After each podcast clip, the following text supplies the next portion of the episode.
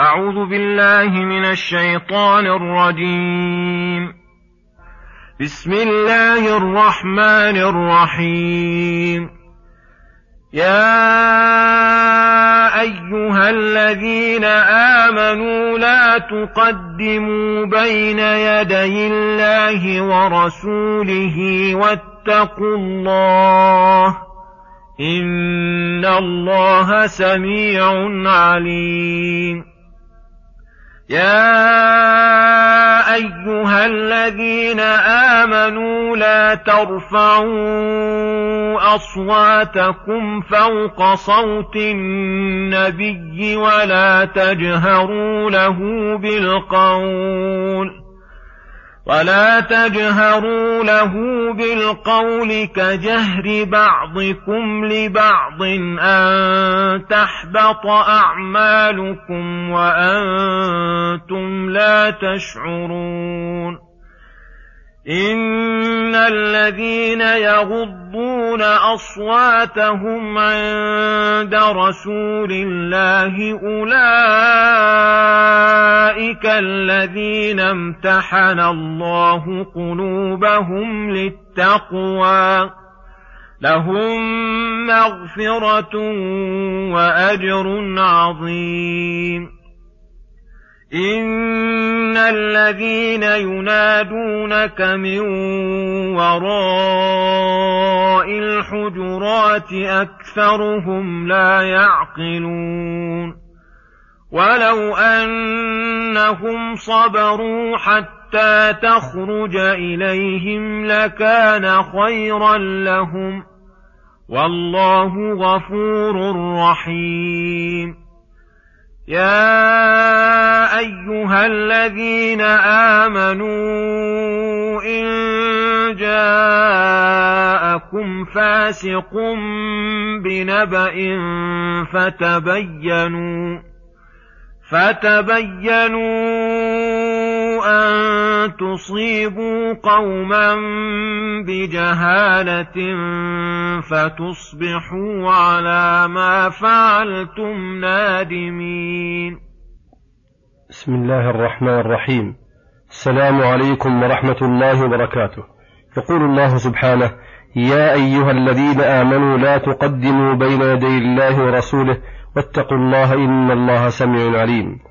هذا متضمن للأدب مع الله تعالى ومع رسوله صلى الله عليه وسلم والتعظيم والاحترام له وإكرامه. فأمر الله عباده المؤمنين بما تقتضيه بما يقتضيه الإيمان بالله ورسوله من امتثال أوامر الله واجتناب نواهيه وأن يكونوا ماشين خلف أوامر الله متبعين لسنة رسول الله صلى الله عليه وسلم في جميع أمورهم.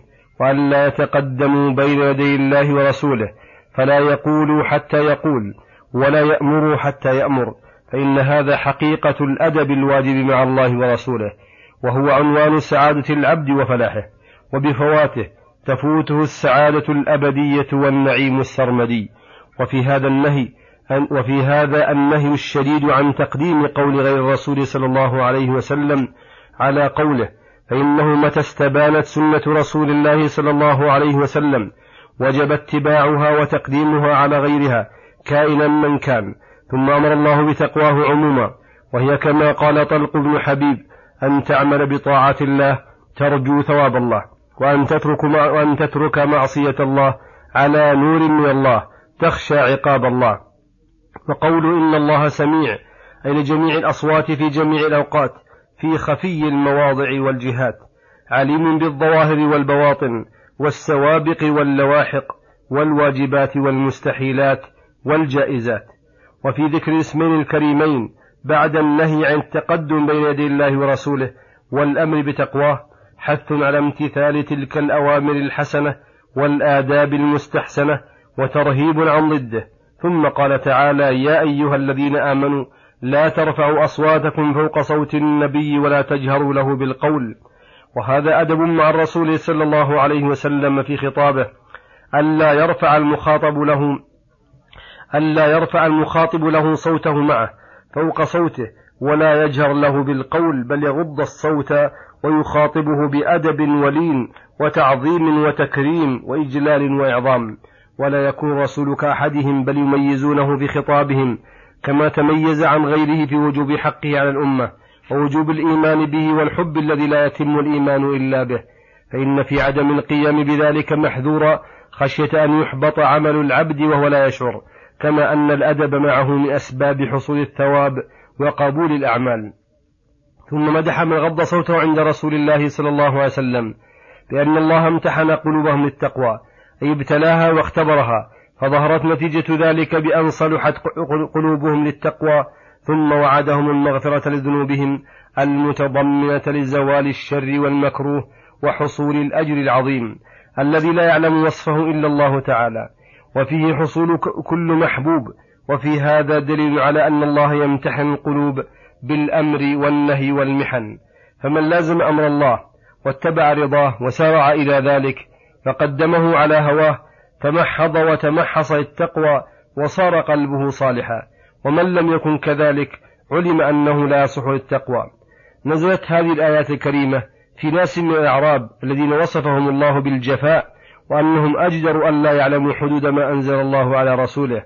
قدموا وافدين على رسول الله صلى الله عليه وسلم فوجدوه في بيته وحجرات نسائه فلم يصبروا ويتأدبوا حتى يخرج. بل نادوه يا محمد يا محمد أي اخرج إلينا.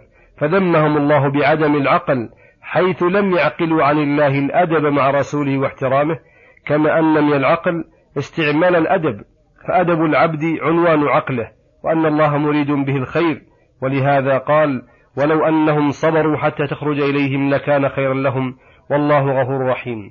أي غفور لمن صدر عن عباده من الذنوب. غفور لما صدر عن عباده من الذنوب والإخلال بالآداب. رحيم بهم حيث لم يعاجلهم بذنوبهم بالعقوبات والمثلات.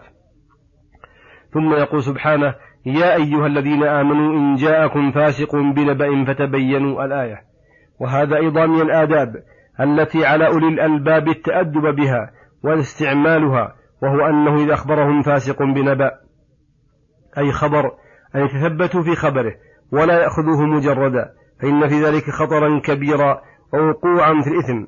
فإن خبره إذا جعل بمنزلة خبر الصادق العدل حكم بموجب ذلك مقتضاه فحصل من تلف النفوس والأموال بغير حق بسبب ذلك الخبر ما يكون سببا للندامة.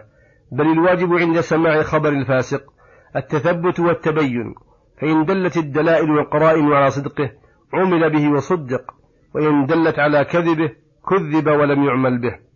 ففيه دليل على أن خبر الصادق مقبول وخبر الكاذب مردود وخبر الفاسق متوقف فيه. ولهذا كان السلف يقبل روايات كثير من الخوارج المعروفين بالصدق ولو كانوا فساقا. وصلى الله وسلم على نبينا محمد وعلى آله وصحبه أجمعين. إلى الحلقة القادمة غدا إن شاء الله. والسلام عليكم ورحمة الله وبركاته.